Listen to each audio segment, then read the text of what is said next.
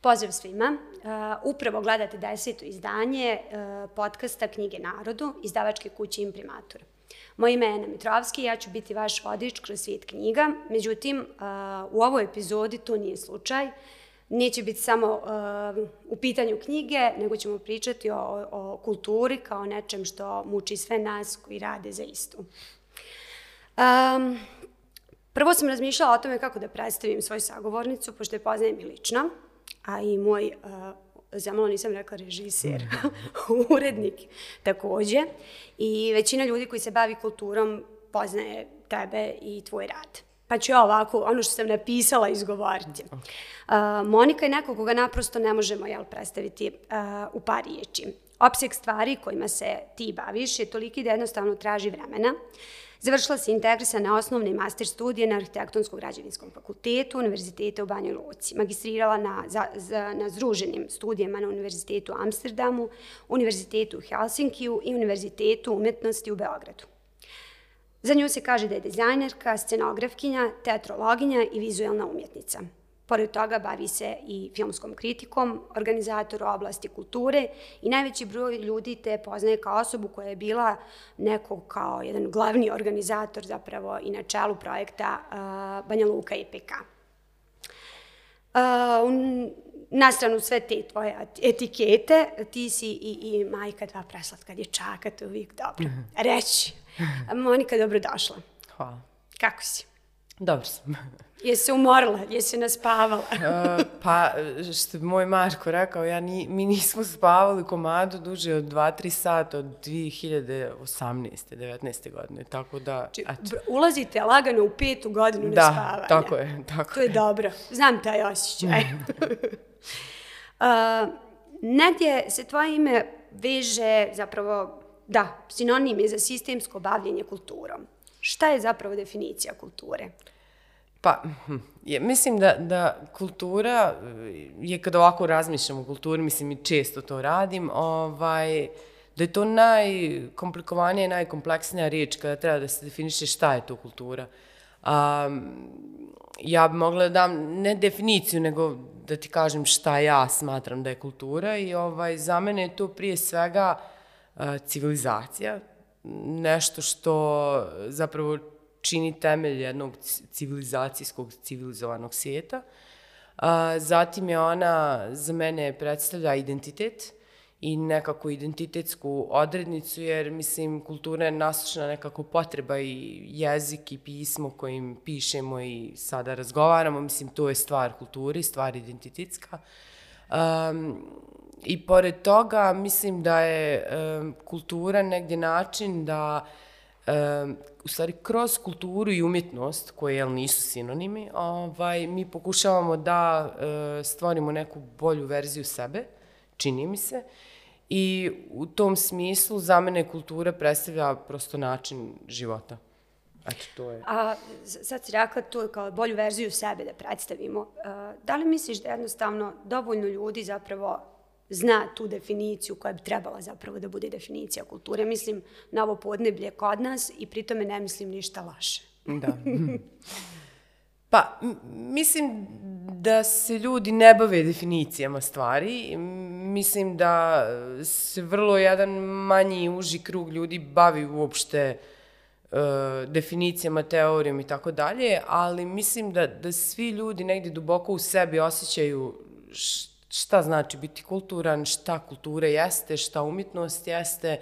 Uh, i, mislim da recimo kada, kada posmatram uh, svoje neko okruženje, koje je vrlo onako specifično, jer sa jedne strane imam uh, porodicu koja je koja predstavlja jedna, jednu radničku klasu, po, mislim kad gledam sad uh, prabaka, pradeda, uh, baka, deda, pa majka i tako dalje, ovaj, uh, to je sa jedne strane, a sa druge strane imam, imam prijatelje koji su, mislim, svi redom uh, fakultetski obrazovani i imaju najmanje neke osnovne studije.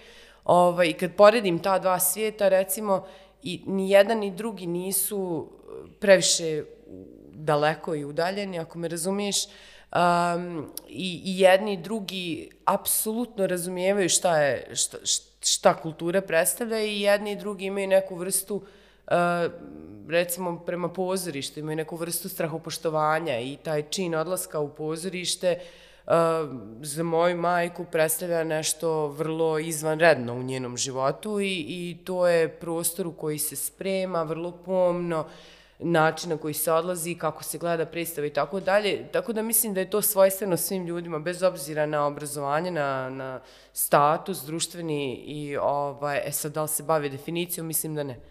Ali ja. mislim da negdje osjećaju šta, da, osjećaju šta to šta znači. To. Da. da, da, jasno. To te pitam iz jednog razloga. Ja se sjećam da u jednom trenutku, ne tako davno, to je bila 2019. godina kad smo se mi pripremali za uh, Banja Luka, Evropska predstavnica kulture.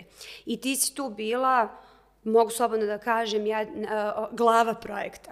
Uh, pa, da, ispravit ćeš ja sam, me ako griješim. Ni, nisam, mislim, bila sam jedna od tri glave projekta. Mislim da su glave projekta bili Marko Bilbija, Dijana Grbić i ja. Ovaj, s tim što sam ja bila neko ko je uređivao i strategiju i e, Bitbook aplikaciju, tako da sam ja bila organizator, koordinator tih stvari koji su možda bile najvidljivije u javnom prostoru i u načinu, možda, i, možda ne toliko u javnom prostoru, zapravo koliko u načinu komunikacije sa ostalim umjetnicima i kulturnim radnicima, jer sam ja vodila većinu tih razgovora i pa, pa možda stičeš, ali mislim da smo nas troje bili ta neka troglava zvijer. Až daj. da. I to je nešto što je stvarno imalo i kapaciteta i rezultiralo je ovim što je tu na stolu, pa Tako možemo je. to malo poslije pogledati. Uh, uh, ono što je bilo zanimljivo, Boris i ja malo prije smo razgovarali o tome, a to je uh, taj pokušaj da se napravi jedna interdisciplinarna ideja gdje će se uključiti svi ljudi iz različitih sektora, kreativnih sektora i umjetnosti i kulture. Da li je to zapravo moguće? Da li je moguće ujediniti te ljude, jer ja moram samo jednu kratku digresiju da napravim, bila sam pozvana ispred uh, stvari koji sam radila, jer organizacije. Uh, bila sam pozvana jedna nekolicina još ljudi, međutim došlo je u jednom trenutku do tako neke uh, zabune zapravo između nas, jer nismo znali šta nama zapravo treba. Da li ste vi kroz tu svu strategiju i sve ti razgovori ipak uspjeli da nađete način da to pomirite? Ja mislim da je to moguće. E, mislim, 100% sam sigurna da je moguće, ali e, mislim da u Banja Luci, konkretno u ovakvoj klimi, atmosferi koja je trenutno vlada i koja vlada unazad sigurno nekih 10 godina, mislim da zato je potrebno vrijeme. I, I iz tog razloga je ovaj projekat nešto u što sam ja na kraju odlučila da uđem, zato što je ovde vrijeme bilo nekako presudno. Jer smo počeli 2017. a trebalo je da se ta kulminacija desi 2024. što je prilično, mislim, priličan broj godina da se jedan projekat, iako je on kompleksan i zahtjevan, da se desi. I mislila sam da, da u slučaju da dobijemo, a to bi se desilo 2019. pa bismo već 20. i 21. proveli u pripremama, ovaj, da je to vrijeme bilo neophodno da, da se stvari pokrenu i da zapravo kroz taj projekat mi doživimo neku promjenu paradigme, promjenu mišljenja, promjenu načina na koji djelujemo u Banja Luci jer dok god to ne promijenimo, mislim da se nećemo pomiriti sa, sa mrtve tačke. A ljudi ovde su negdje navikli na određeni način funkcionisanja, sad ne svi naravno, ali dobar dio ovaj, ljudi, a to je ta neka vrsta um, finansiranja koje nije više e, samo, mislim, kao sufinansiranje, hoću da kažem, nego nego je apsolutno finansiranje i svi čekaju te, ta neka sredstva da dođu ili iz ministarstva ili iz grada, mislim sa, zavisi da li Banja Luka ili bilo koji drugi ovaj, sjedinice lokalne samouprave. I mislim da je to negdje pogrešno zato što e, postoji toliki broj stranih fondova i drugih organizacija koji se bave kulturnom proizvodnjom ovaj, i da je bilo neophodno to uvezivanje, umrežavanje koje bi nama otvorilo, mislim, put. E sad, sa druge strane, postoji taj problem što Banja Luka, Bosna i Hercegovina i Republika Srpska imaju veliki problem što se tiče međunarodnih fondova i naši projekti i naša udruženja i, i ustanove uopšte ne prolaze na tim projektima. Mislim, Muzej savremene umjetnosti je jedan od rijetkih koji je, evo sad tek počeo da ovaj, dobije sredstva. Mislim, e, biblioteka takođe, ovaj, dječje pozorište, ali hoću da kažem da je to, mislim, to je jedan vrlo kompleksan sistem, ali ovaj projekat, da smo ga dobili, bi nama otvorio taj prozor u svijet, otvorio bi nam put prema tim fondovima i to je bio jedan od osnovnih ovaj, razloga zašto smo mi uopšte ušli u tu cijelu priču, jer smo vjerovali da u momentu kada je takmičenje uopšte otvoreno za zemlje Zapadnog Balkana i za Bosnu i Hercegovinu, da je to zeleno svjetlo da zapravo oni su spremni da nas prihvate, a odbijanjem Banja Luke i, mislim, i Mostara, na kraju kraja bilo je tu i Srebrenica i Tirana i dodjeljivanje tog te titule, odnosno tih sredstava i tih mogućnosti jednom norveškom gradu koji ima enormna sredstva je zapravo pokazalo da to zeleno svjetlo uopšte ne postoji. Da, da, jasno. A da li nešto od tih uh, projekata koji su bili predviđeni strategijom koju ste vi radili ipak um, realizovano u toku ove tri godine. Um, mislim sad izuzev ove korone i svega ovog, naravno, što se izdešava. Da, problem sa, sa aplikacijom, mislim da je nova administracija ovaj, željela da realizuje, mislim, to je neka informacija koju sam ja dobila, da su željeli da realizuju neke projekte ovaj, iz Bitbooka. Mislim da je to nemoguće, prije svega, zato što su to autorska djela. Sve izuzev onog što je potpisano kao, e, gdje je autorstvo potpisano kao Banja Luka 2024, što smo mi zapravo osmišljavali u sklopu te programske šeme, je autorsko djelo nekog iz grada. Mislim, imamo istraživački centar za, za prostor, imamo um, ne znam, nekoliko glumaca, Boris Šave ima dva projekta, Dijana Stupar takođe ima dva, tri, tako nešto. Ne mogu se sad sjeti na pamet, ali to su sve ljudi, imena koji stoje iza tih projekata i mislim da bi bilo jedino fair da se prvo oni pozovu, da se s njima obavi razgovor i da se vidi da li može da se uđe u rješavanje tih projekata. Ono što je bilo naše, to su ta uh, takozvani flagshipovi, ovaj, to su veliki projekti koji uh, u toj strukturi koja je pomalo zamršena da je sad ne objašnjena, ali postoji jasna struktura ovaj, kako se to piše. Uh, to su nosioci četiri programske struje koje mi imamo.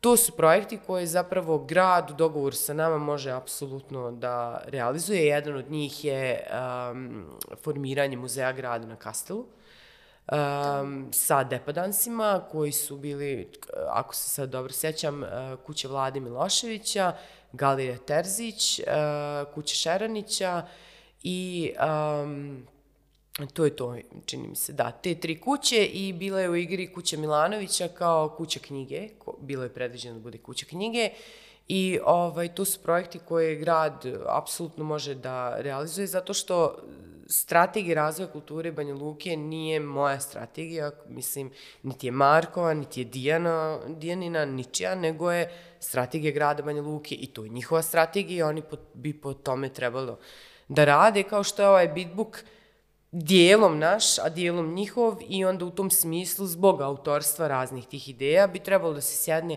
ako se odluči ovaj, na taj iskorak. Mislim da ima zaista jako puno projekata koji su jako važni. Uh, jedan je taj muzej, drugi je um, formiranje mreže kulturnih menadžera u gradu, što je nešto što smo mi prepoznali kao nepostojeći i nešto što nam je prijeko potrebno. Um, čišćenje Vrbasa je jedan veliki projekat ovaj, u koji su bili uključeni uh, Kaja Kanu, uh, Vrbas, um, Udruženje mladica i tako dalje. Tako da smo mi uključivali i sport i mislim razne, razne organizacije, udruženja, jer je zapravo ovaj projekat nije bio, mislim, on jeste bio dio, kulturni projekat, zato što i kultura življa na vodi je takođe kultura, znači nije bio samo umjetnički, to hoću da kažem, ovaj, i uključili smo razni broj ljudi, e, Banjalučke gradske bašte i tako dalje. To, to je bio jedan sveobuhvatni projekat koji je trebalo da promijeni apsolutno način života u gradu i način razmišljanja na koji način mi koristimo resurse i šta je to e, kultura i šta je naše nasljeđe i tako dalje nismo prošli i to je nekako sve stopirano. Ja mislim da ne treba da bude. Ovaj, naravno, naravno, to, to. Možda neko čuje i se. možda da. Kao ja uvijek idem na to da možda neko čuje. Uh, koliko je tebi to svoje iskustvo doprinjelo tvom, kako bi rekla, tvojim ličnim afinitetima i stvarima koje si sebi ono, zacrtala i kojima se baviš zapravo, jer da. si ti ipak jedna, ako tako mogu da kažem, interdisciplinarna osoba, imaš dosta poziva. Da. Pa nije mi, nije mi do, mislim, mislim da mi nije doprinjelo u smislu da me negdje gurnulo od onog čime ja suštinski želim da se bavim, a tu je stvaralački rad. Uh, gurnulo me u, u, u tu kulturnu politiku i u organizatorski rad, mislim, ko, koji meni naravno prija i ja njega ok radim, nije to ovaj, ništa sporno, ali nije moje polje interesovanja, da tako kažem, a sa druge strane me bacilo u depresiju jer mi je ostavilo jako gorak uh, ukus, zato što smo ovaj, mi na tome radili tri pune godine vrlo igrajući srcem, vrlo odgovorno, vrlo nekako savjesno, želeli smo da napravimo najbolje što, što možemo i, i, i mislim sad glupo zvuči da sam sebe hvališ, mislim, ali, ali smo zaista bili izvanredni na odbrani ovaj, u Briselu i onda sam vidjela da zapravo tu ništa e, nije važno. Nije, va, nije važan taj bitbook, šta, nije važno. Šta je važno? Važna je politika.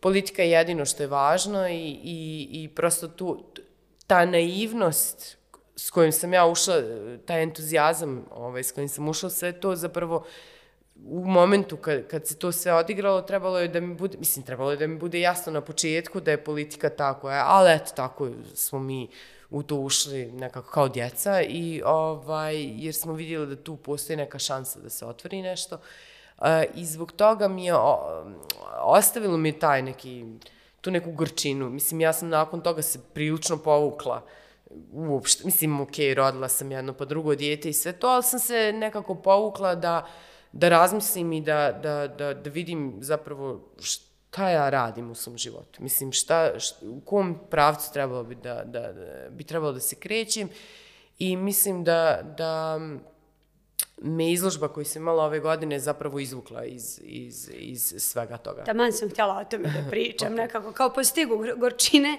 Znam da je kuljalo u tebi to jako dugo, da je ta izložba zapravo, ili dio izložbe je bio već uh, u Novom Sadu, je li tako? Bio u Novom Sadu, u Rijeci, u Sarajevu i u Beogradu.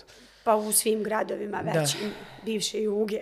ovaj, da. I bilo je interesantno što taj, gra, taj grad, što ta, ta izložba zapravo se nije dogodila ovdje. Međutim, prošle godine u mjesecu junu izložba koja je nosila naziv uh, Ko bi Bog u Bosni bio, se dogodila. I kakav je Tako to bio da. osjećaj nakon svog tog iskustva, svega toga, to je stvarno bila jedna onako, bez teksta da te ostavi izložba. Hvala ti. Molim ovaj, um, pa, meni to bilo znač, značajno iz dva, ovaj, iz dva razloga. Prvi, zato što ja nikada nisam izlagala u Banja Luci. Nikada za nikada. Izvini, za kako? Uh, ne znam. Pa, ne znam. Uopšte ne mogu da ti ovaj, da dokučim ta odgovor. Mislim, ne, ne znam šta je. Vjero, negdje ja sam sebe bila ubijedila da je to možda zato što sam ja po osnovnom obrazovanju arhitekta, nisam umjetnik, e, što nisam završila Akademiju umjetnosti, pa nisam bila u tim krugovima i nisam e, nekako, nisam imala te veze i poznanstva koja su, mislim, vrlo važna, ne samo u Banja Luci, nego svuda. I nekako mi se posložilo da studiranjem vani, u Beogradu i, i u Novom Sadu i u Amsterdamu i u Helsinkiju, sam stvorila nekako mrežu ljudi vani prije nego što sam je stvorila u Banja Luci i onda mi je bilo puno lakše da, da izlažem da, svugdje drugo ovdje, da, da, nego ovdje. Ovaj, I mislim da je taj put koji sam ja prešla od arhitekte pa preko teoretičara pa do umjetnika, mislim, to je neki put koji sam ja svjesno izabrala. Ovaj, on je takav, pa je takav. Ovaj, uh, Um, I u tom smislu mi je to bilo značajno zato što sam izlagala u svom rodnom gradu i nekako mi je to bilo važno. A sa druge strane mi je bilo važno zato što sam uh, napravila taj neki rad koji je izašao iz mene, koji govori o meni, ali zapravo koristi mene da bi govorio o stanju života u Bosni, o ljudima u Bosni, o našem mentalitetu, o našim problemima, o traumama i tako dalje, jer se izložba zapravo bavi pitanjem e, etikete, um, etiketiranja, stigme, um, razne vrste nasilja koje ne mora nužno da bude fizičko nasilje da, da bi ostavilo e, trag i trajne posljedice. I e, bilo mi je važno da to nekako progovorim i sebe o drugim ljudima i o sebi u svom ranom gradu. Nakon kratkog predaha. bilo bi dobro da imamo reklame sve, da, da. ali nemamo. kao zato, kao ispratite podcast i nađete mjesto za reklamu. Uh, pričala smo o izložbi tvojoj da. i pričala se o tome kako je zapravo to bilo jedno i iskustvo koje je bilo i traumatično za tebe, ali s druge strane je bilo i takva vrsta iskustva gdje si ti onako pružila sebi šansu u svakom smislu. I koliko je nastajala izložba i hoćeš uh, za one koji nisu bili, imaće priliku da u toku podcasta vide o čemu se radi, mm -hmm. kadrove tvoje izložbe. Uh, koliko dugo je nastajala ta ideja u tebi i kako si zapravo odlučila na tako jedan poprilično zahtjevan projekat? Ideja je negdje kuljala, mislim, neko vrijeme i sama ideja. Uh, ali se sve nekako sklopilo šta želim da radim u par dana, pa sam onda to brusila i ovaj, razvijala dalje. I različiti dijelovi izložbe su različito nastajali. Recimo, tekst za video rad Ja Bosna je nastao za pet minuta. Mislim da ga nisam duže pisala. Um, čitav proces na eh, radu životnevici između dva svijeta gdje smo Miljku zapravo vodili na različite dijelove eh, prostore Bosne i Hercegovine i stavljali u inkubator i fotografisali. To je trajalo godinama, to je trajalo 2018. smo u Hercegovini bili, pa 19. je onda bio jedan dio ovde po krajini, pa 20. Pa, mislim, nju smo fotografisali čet, četiri godine čini mi se da je trajalo to. I to je, mislim, zato što je bilo logistički vrlo komplikovano, kompleksno, pronaći dovoljan prostor, postaviti scenografiju, nju dovesti tu da nam se preklope uh, naši ovaj, um, ne, izgubila sam riječ, nije ni bitno, ovaj, tako da, da, da je trajalo četiri godine, ovo je trajalo pet minuta, snimili smo, recimo video rad smo snimili za jedno popodne, iz jednog pokušaja, Miljka je to, to je, odjednom... To je onaj rad kao triptih što izgleda, jel da? Tako to je, Miljka, tako gdje je. Ima, gdje ima tri Miljke zapravo. Tri Miljke da. jeste koje su ovaj, u Beogradu, Novom Sadu, Rijeci, Sarajevo prikazane kao triptih, A u Banja Luci su zapravo prikazane kako su zamišljene, a to je da je jedna miljka na jednom zidu. Tako da sam u kamenoj kući napravila taj jedan e, prostor ojvičen, e, gdje sam imala tri miljke koje zapravo e, njih tri razgovaraju između sebe i njih tri u tom razgovoru čine taj jedan prostor u čijem centru se nalazi tri tone stijena koje smo iskopali ovde u kamenolom u Bistrici i to je negdje i simbolički, i metaforički i tako dalje, je moj prostor Bosne. Njih tri, kao ti ljudi, taj, taj, mislim, ja sam izlagala na izložbi kameni, zemlju i miljku i zvuk i Andrića i sve to nekako bila um, taj neki amalgam, ne, ne, ne znam ni kako bi ga ovaj, nazvala, neki bućkuriš svega, mislim što jeste bosanski lonac, da tako kažem. Ovaj, I Miljka je bila u raznim, raznim fazama, jer je ona, ona je znači, i izvodila na lokacijama, realnim, stvarnim lokacijama. E, bila je dio video rada, ona je glumila ljude u Bosni, Moniku Poljević, mislim, e, i imala je živo izvođenje e, tokom otvaranja. Tako da je Miljka bila u te neke tri instance um, i bila je dio svakog rada, osim rada Zemlja, koji je zapravo uh, predstavljao neku vrstu prologa i uvertiru cijelu tu priču. On je jedini bio u prizemlju kamene kuće i ja sam tu zapravo izložila zemlju na kojoj smo mi stajali u tim različitim periodima. Ovaj, Mislim, to je opet sad poetično i metaforično i tako dalje. Mislim, ne volim da sad objašnjavam Naravno, i nema potrebe, ovaj, da. šta, šta sam želela da kažem, na koji način, ali a, ovaj, e, ta izložba je zapravo trebalo da prikaže, da demonstrira moje teoretske zapravo ideje, a, jer je ona bila dio mog doktorskog umjetničkog a, projekta, koji se sastojao iz praktičnog dijela uh, i teorijskog dijela i ja zapravo tu postavljam neke nove teorije o tome šta scenografija jeste i šta scenski dizajn jeste, jer je to moje uže uh, polje djelovanja. I ko bi Bog u Bosni bio je demonstracija tih teoretskih ideja. Uh, mislim da je bilo prilično uspješno.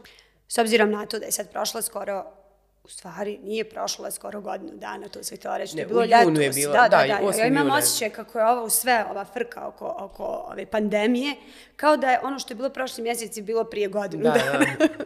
bilo je u junu, uh, opet je prošlo dovoljan broj mjeseci. Uh, jesi ti zadovoljna uh, time što si uradila i način na koji si to postavila i prikazala i znam da je bilo mnogo ljudi koji su došli na tu izložbu i emocije su frcale doslovno. Pa ja sam, mislim, jako zadovoljna, opet, e, ja za sve imam dva razloga zašto sam i jedno i drugo, da. Jedan. ovaj, jedan. E, zadovoljna sam zato što, zato što mislim da sam uspjela da dokažem da kroz praksu pokažem sve ono o čemu pričam teorijski. Meni je to bilo strašno važno i značajno. E, I to je negdje rezultovalo time da sada imam priliku da objavim knjigu o tome o scenografiji i scenskom dizajnu i, i i s te strane mislim da je vrlo značajno.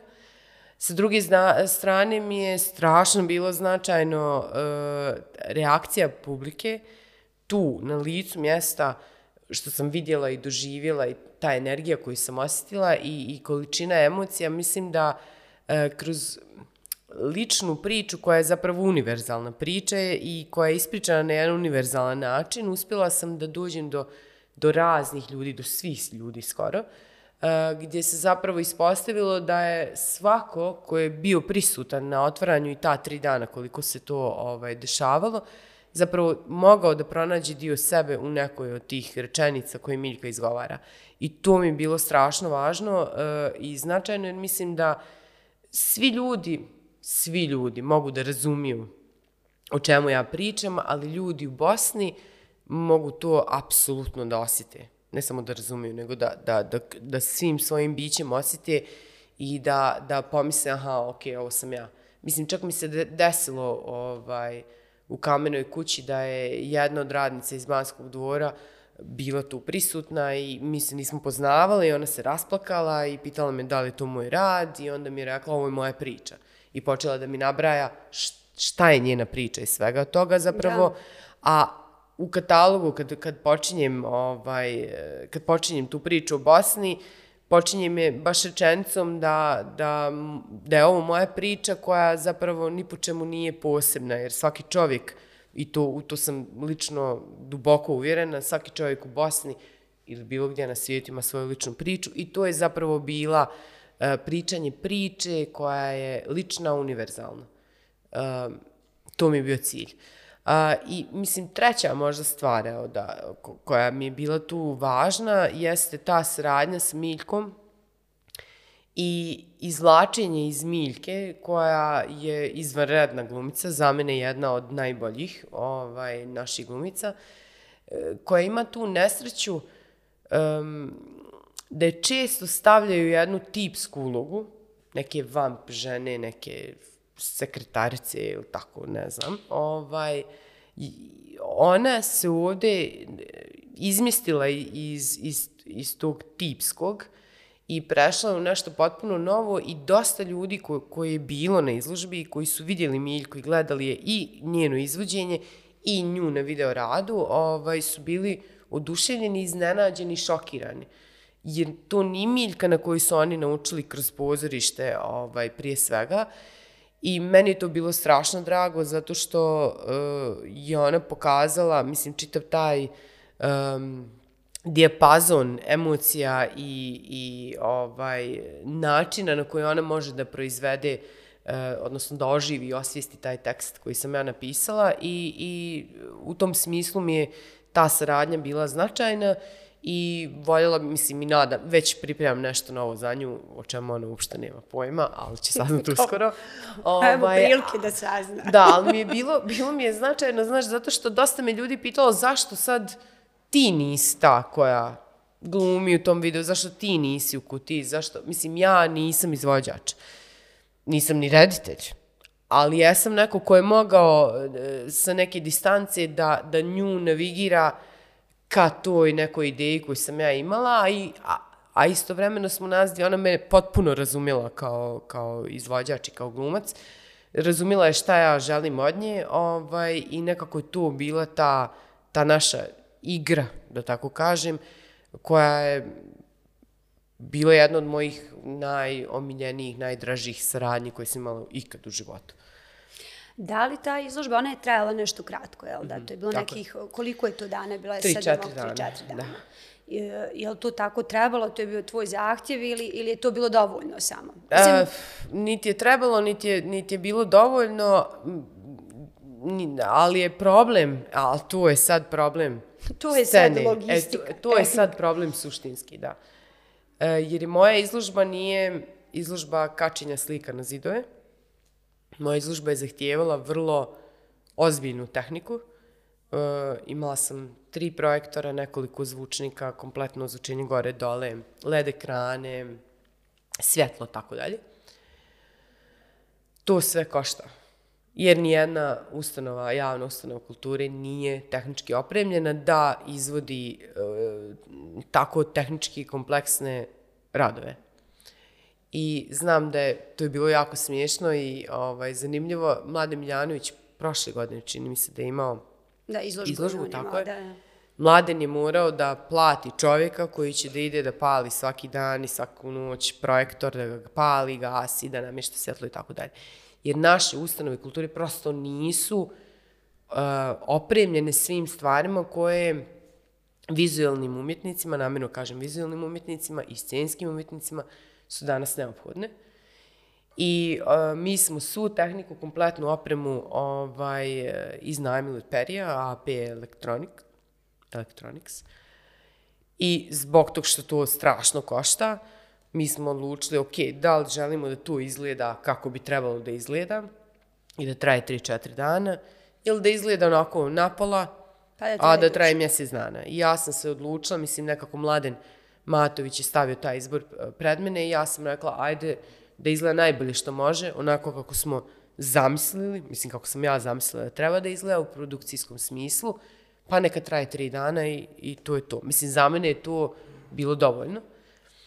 Um, voljela bih da je trajalo mjesec dana, ali to prosto nije moguće i ja mislim da sad kad pričam o kulturi i o svim tim nekim stvarima, mislim da je jedan od prioriteta naših, kad govorimo o vizualnoj umjetnosti, a čak i u pozorištu, da sve ustanove opreme tehnikom. Da, kao i prvo pitanje, ko je kriv?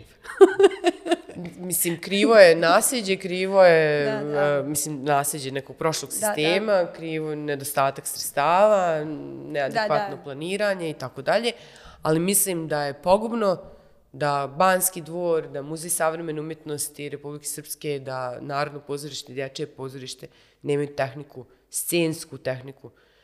U ovo vrijeme kada scenska umjetnost i vizualna umjetnost i pozorište, izvađačke i e, primjenjeni likovni, kada se sve to počinje spajati u neku multimedijalnu, interdisciplinarnu stvar, što je vrlo prisutno vani, kod nas nije toliko, jer kod nas i dalje to sve dijeli likovna, primjenjena, na, na, na, na, mi nemamo tu kulturu i nemamo e, te umjetnike koji se bave, mislim imamo ih naravno, imamo Mladene, da, da. imamo Radinka, imamo Borjanu, imamo Sandru Dukić i tako dalje, e, Miodraga Manojlovića, oni su prvi koji mi padaju na pamet, ali oni prosto nemaju gde da izlažu jer ne postoji da, uh, dovoljno logistika da, koja može podržati može te da... radove i onda se obično izložbe svode na manje, na odstupa se od odred... Ne, ne ide se ka toj glavnoj ideji. Mi smo ovdje odlučili da idemo ka glavnoj ideji, idemo do kraja, pa nek traje od 9 da. do 11, 3 dana i to je to. I to je to. Uh, ti si neko ko piše filmske kritike i ono, ozbiljni si, ozbiljan si filmađija, da to tako kažem. Ne znam kako bi rekla u ženskom radu.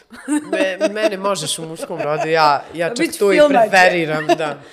Ovaj, I sad prije toga, sad kad se spominjala ovu logistiku svu i zapravo tu vizualnu umjetnost koja počinje da bude jaka, na primjer, na srpskoj sceni, mislim na Srbiju, sad na o, kvalitetu toga prosto ja ne mogu da govorim, ali uh, mi smo dobili nedavno uh, filmski centar, jel?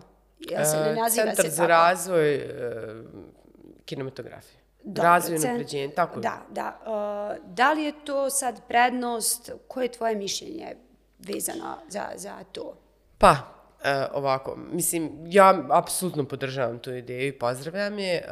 Um, ta ideja postoji u zakonu o kinematografiji, starom zakonu o kinematografiji, sad trenutno je uh, u nekoj fazi, više ne znam ni kojoj, radila sam ljetos na tome, um, bila sam član radne grupe zakona o audiovizualnoj djelatnosti, se sada zove.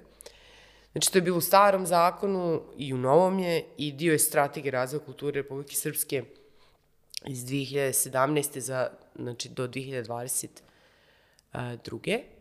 Strategija koja je trenutno na snazi, tako da je to negdje ovaj, stvar koja je prepoznata kao stvar koja je neophodna. Mislim, filmski centar, svi imaju filmski centar u regionu, osim nas.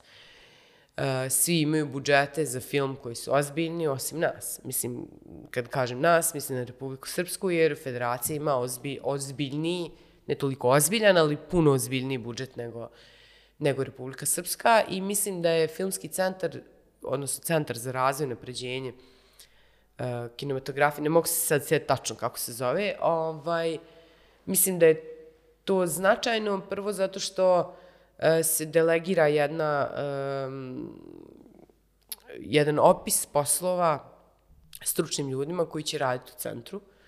Uh, dakle, neće se sve raditi u ministarstvu i tako ne, mislim, bi trebalo da bude, jer mi nemamo ni jednu ustanovu uh, iz oblasti filma, osim kinoteke, E, koja arhivira i čuva film, mislim, ne proizvodi ga. Jasno, to, to je, da. Naravno, ni, ni, ni centar neće proizvoditi film, nije produkcijska, producentska kuća, ali jeste neko ko će kreirati kulturne politike, ko će voditi računa o tome na koji način se ovaj, treba ulagati, šta je plan, kako da razvijamo film, e, koliki budžet treba, bi trebalo da bude, da se bavi međunarodnom saradnjom i tako dalje. E, za mene je to vrlo značajno, ovaj, mislim, po, rekla sam pozdravljam ideju, jedina moja nekako dilema ili sumnja je da to ne ostane sad samo na toj ideji, nego da, da, da se počne ozbiljno ulagati u film, jer bez budžeta taj centar ne može ništa, mislim, jasno, jasno. džaba postoji. Ali e, mi se čini da u momentu kad je došla politička volja da se taj centar uopšte formira, a formirao se naglo, brzo, vrlo se to sve desilo u kratkom roku, e, nekako sam optimistična da postoji volja, da postoji budžet i da ćemo uskoro e, moći da gledamo, mislim, filmove u našoj e, produkciji koji nisu tako, mislim, naravno njih već ima i serije i filmova, ali koji nisu vrlo tako sporadični koji zavise od e, različitih sponzora i od toga ko će na koji način da, da uloži sredstva i nekako mislim da, da je došlo vrijeme da imamo svoju vlastitu produkciju koja je redovna. Mislim, to, to želim da kažem. Jasno, jasno, svakako. Brzo, koji si posljednji film gledala? E, posljednji film koji sam gledala je Dina u bioskopu. To sam gledala. Pa, mislim, meni je, ja sam, ovaj, ja sam duševljena. Da, mislim, da. Ne toliko duševljena koliko sam zadovoljna zapravo, uh, jer sam bila skeptična da, ta, da, da je nemoguće to uraditi, ali ovaj, stvarno sam uživala, ovaj, trajalo je ne znam koliko, dva i po, tri dva sata. Dva i po sata, da, da. Išli smo u bioskop i, u stvari, slagala sam te sad, izvini. Uh, Dina je posljednji film koji sam gledala u bioskopu, a film koji sam gledala kući posljednji je uh, James Bond. Da, to sam gledala posljednji. Uh, I sad se pripremam da ovaj, gledam novi film um, Lea Kara, um, Anet, nje nekako e, njegov film Holy Motors, Sveti motore, ne znam, ne znam da li, nisam, da li se gleda. Nisam gledala. To je jedan od najboljih filmova svih vremena, ovaj, meni ostavio snažan utisak, ne, mislim da je iz 2012. I ovo mu je novi film, ovaj, koji baš onako s nestrpljenjem čekam. I to je to, da. To, to je zadnje što... Više gledam serije, zapravo, to sam se... Kao tu više sam sam se... Baš darena sam. Ma da, Netflix, HBO, to sam... Ne, Da, ne to je sam- zabava da. miliona, da, da, to Jeste. radim i ja, to me opušta. To je Da. jedna od najboljih stvari. Pa naj, da. Uh, prije se dogovorimo za podcast, uh, pitala sam te za neku omiljenu knjigu, Mhm. jer ovaj podcast je nekako uvijek usmjeren na književnost, na književnu scenu i ako ti ne dolaziš iz tog svijeta, upoznate si sa, sa, ovaj, sa njim, kao Da. takvim. I rekla si jednu super rečenicu, uh, citirala si i uh, uh, rečenicu iz romana Majstor i Margarita, da je kukavičluk je najstrašniji od svih poroka. Zašto si to izabrala? Ima li to veze sa tvojim budućim radom? A, pa, Majstor i Margarita je verovatno jedna od mojih dražih knjiga, koju se vrlo često vraćam. Vrlo često ja nju čitam iznova i imam tako svaki put različito, različito doživljaj te knjige. A, bio je jedan period, a, sam se bavila bu, a, Bulgakovom, da se tako kaže, mislim. Bulga, jel- Bulgakovi, Bulgakovi. Bulgakovim, Bulgakovom, dobro. Bavila sam se Mihajlom Bulgakovom. ovaj, I njegovim životom i, i, i postoji ta rečenica koju on izgovara i ja mislim da je to na neki način ne autoportret, ali, ali da je tu sam sebe, mislim nekako da je on sam sebe ovaj, tu definisao, jer je on, kad se uđe u njegov život, njegov odnos sa Stalinom i, sa, i čitav taj proces i ovaj period e, Sovjetskog saveza, e, mislim da je vrlo značajan. I počela sam da istražujem njegov život i da iz, čitam njegove memoare, pisma i tako dalje i da pronalazim njega u tim knjig, u raznim njegovim knjigama. I odlučila sam, mislim, već sam radila, radila sam rad koji se zove Kukavičuk je najstrašniji od svih um, poroka koji sam izlagala u sklopu sterinog pozorja 2016. A sada sam odlučila da, da sad e, to proširim i trenutno pripremam rada, to je ovo, Ovo što, što trebam nazvat Miljku, da, da, da je kažem. Ovaj, e, želim da radim zapravo e, spomenik Kukavičluku, ali da to u isto vrijeme bude e, dijelo scenskog dizajna koje je zasnovano na tekstu Majstor Margarita. Jer zapravo kad, kad se vratim sad na izložbu moju, moja izložba je zasnovana na mojim tekstovima, na tekstovima Ive Andrića. I zapravo scenski dizajn je umjetnost koja se nalazi negdje na presjeku između pozorišta i vizual, znači izvođačkih i vizualnih umjetnosti, scenskih i vizualnih i izvođačkih. I, i, I on se bazira, znači on jeste neka vrsta inscenacije teksta, ali ne na sceni pozorišta, nego u prostoru galerije ili muzeja. I ja sam negdje odlučila da se time bavim u, u životu, to, to mi je to me grije, to mi je značajno, da se bavim tekstom ne kao reditelj, nego kao umjetnik koji izlači suštinu tog teksta i nekako ga scenografski predstavlja u, u prostor izlagački. Eto, ako to mogu tako nekako. I onda je Majstor i Margarita je zapravo dijelo kojim sam se ja najviše u životu ovaj, bavila. I mislim da će to biti sljedeći ovaj, rad, e, gdje mi treba, Miljka će mi naravno biti Margarita i nešto sad već sam natuknula Borisu Šavi kojeg bi voljela isto da uključim u tu cijelu priču.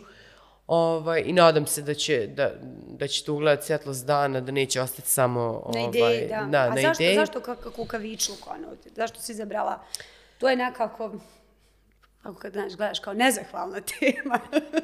Jeste, ali e, zato što mislim da je kukavičluk nešto što mene u životu mom najviše nervira. Nervira me kukavičluk, mislim da primijetila sam i, i vidim da, da je zapravo kukavičluk ljudi koji me okružuje i kukavičluk moj, mene, koja ne, ne mogu da idem do kraja sa, ovaj, u životu, u nekim stvarima, je nešto što me užasno frustrira, nervira i tako dalje. I dje, kao tema mi djeluje vrlo zanimljivo, a sa druge strane, e, kukavičluk Mihajla Bulgakova, kroz život, kao neko ko, ko, ko je bio umjetnik, koji je radio u nekako, u, u toj kulturnoj politici Staljina, da ne znam, ne znam kako to... Ali dobro, dobro je, dobro Mislim, je. kako to da definišem, koji je bio zaštićen, Da. dok su njegove kolege ginule i bile cenzurisane i, i svašta nešto, i ta neka žal i kajanje i promjena njega kao, kao čovjeka u svemu tome i, i majstor Margarita koji izlazi kao kulminacija e, tog nekog odnosa političkog i ličnog i a, to mi je bilo strašno interesantno. Um, pogotovo u ovo neko vrijeme gdje, gdje mi svi živimo, mislim, to je nekako javna tajna, ja ću reći sad, pa nema veze, ta politika nezamjeranja koja postoji na svim nivoima, znači na nivoima između umjetnika samih, da se nigdje u javnosti, u javnom prostoru ne kritikuje ništa domaće, pa kak, bez obzira na kvalitet, ili u slučaju da se nešto kritikuje, odmah je tu blokada rada i, mislim, pričam sad o, o kritici filmova, serija, pozorišnih predstava, izložbi. O, mislim, to je vrlo delikatna stvar.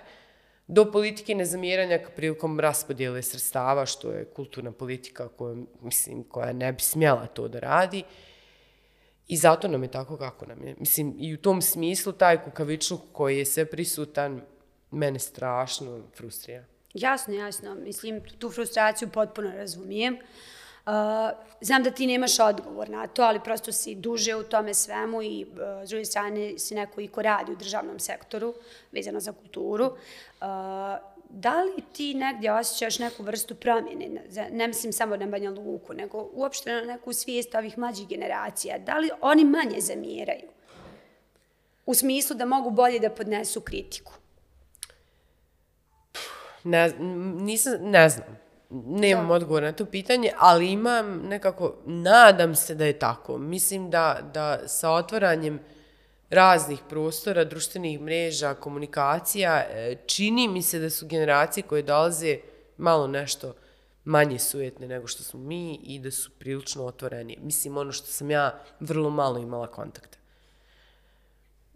I, i, i to je to. Ja prosto sad spomenula društvene mreže, moram samo to još malo da, ovaj, uh, i ti si neko koja je aktivni, uh, uh, kako se to kaže, učesnik Da, da. na društvenim mrežama i dijeliš neke svoje stvari i pri tome ne libiš se da kažeš govnu stvari, ono što ti smeta i ne smeta. Sad ne znam koliko ti to ono, uznemirava na svakom Pa to mi prilično otežava život. Da, da, to, to, ali mislim i to je neka vrsta kritike.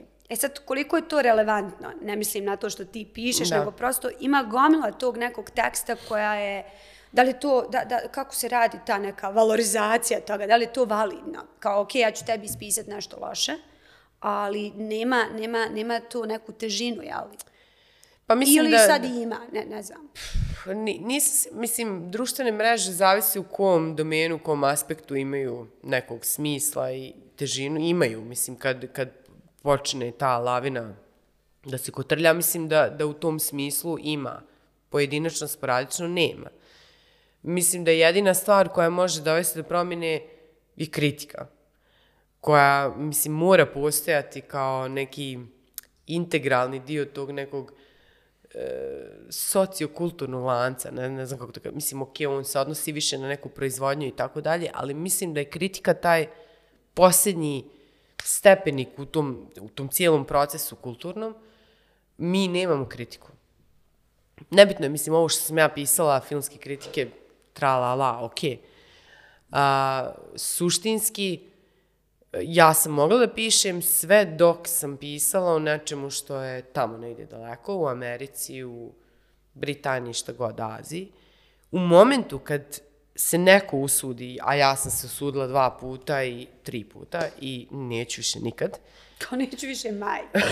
da. Uh, u momentu kad se neko usudi da napiše kritiku nečega ovde domaćeg, uh, u tom momentu sve staje. Mislim, to su maltretiranja po inboksima, zvanje telefonom, slanje, prijetnje, uh, mislim, i na kraju zatvaranje bukvalno da, da nemaš više uopšte opciju da radiš u gradu. Mislim, To do tih granica ide. Um, ne uvijek i ne sve i ne svako, ali mi se desilo za jednu pozorišnu predstavu to i imala sam neke manje neugodnosti za jednu seriju, recimo, da su to dvije stvari koje su me istraumirale, mislim, ne, ne znam kako da drugačije, da, kako drugačije to, nazvati, ovaj, da. I ja sam nastavila i dalje da pišem i onda sam shvatila da zapravo nemam, nema razloga da pišem, ne, ne, nemam kome, jer ako ja sama pišem, ništa se promijeniti neće. Ako se desi nekoliko još ljudi, pa da se stvori ta neka grupa Da, grupa ljudi, da.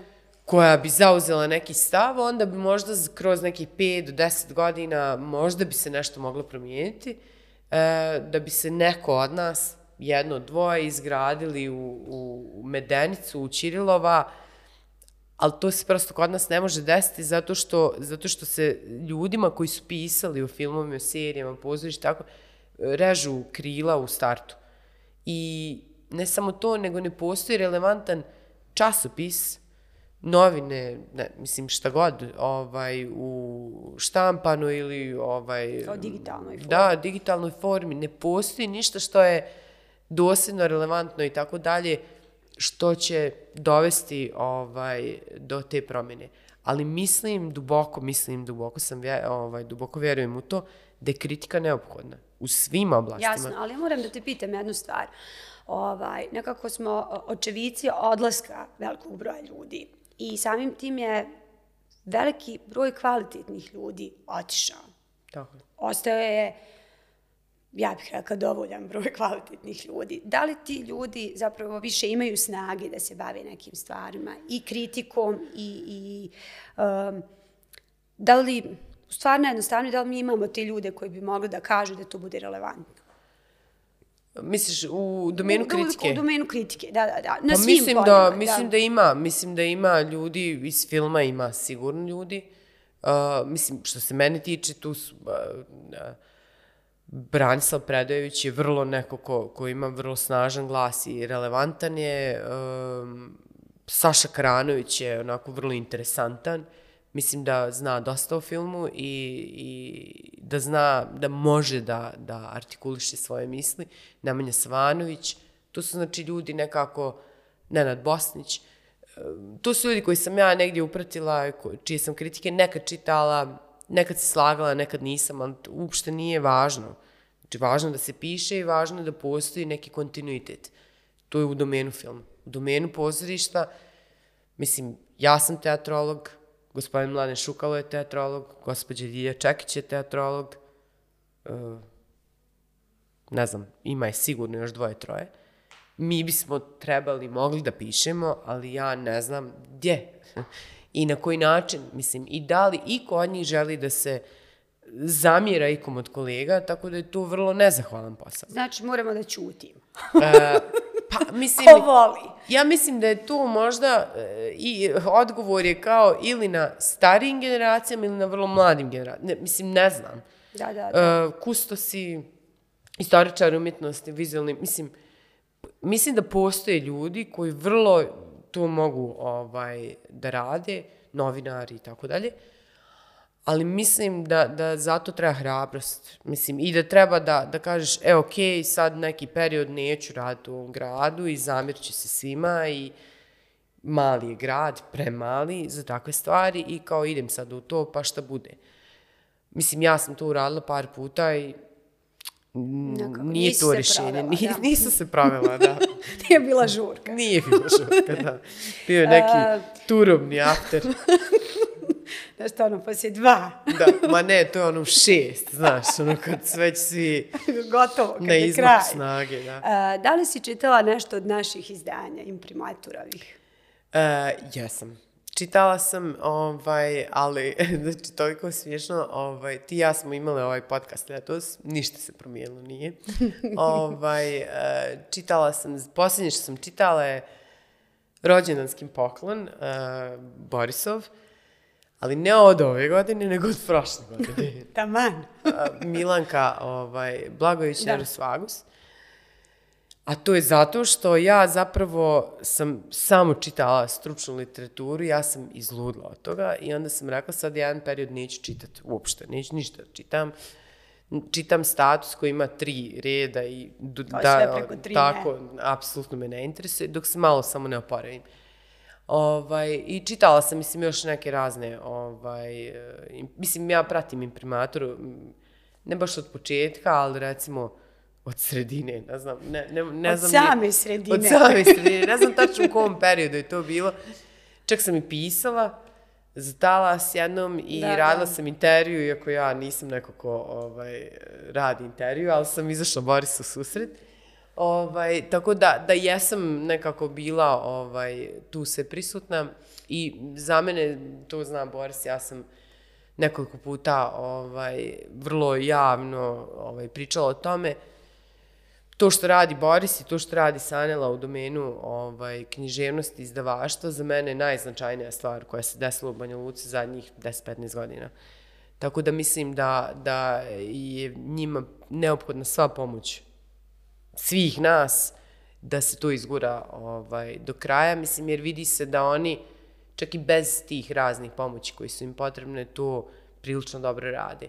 Jasne, Profesionalno, jasne. kvalitetno, Mislim, ja sam neko koji uvijek za, za profesionalnost i kvalitet prije svega i mislim da, da treba da se podnese razna, ovaj, razne vrste nekako, ne, ne, mislim, žrtva treba da se ponese, ovaj, podnese tu da bi se nešto kvalitetno izrodilo i ovaj, mislim da uopšte za mene kvantitet nije nekako presudan, Mjerilo, da. da ovaj, nego mislim da treba da, a sad opet, pričam više o pozorištu, mislim da ne trebamo da izbacujemo milion predstava godišnje i festivala ovih i onih, nego nekako da se fokusiramo na jednu kvalitetnu stvar, da bismo na, neko, na neke duge staze imali nešto što, je, što će činiti Banja Luku uh, prepoznatljivom.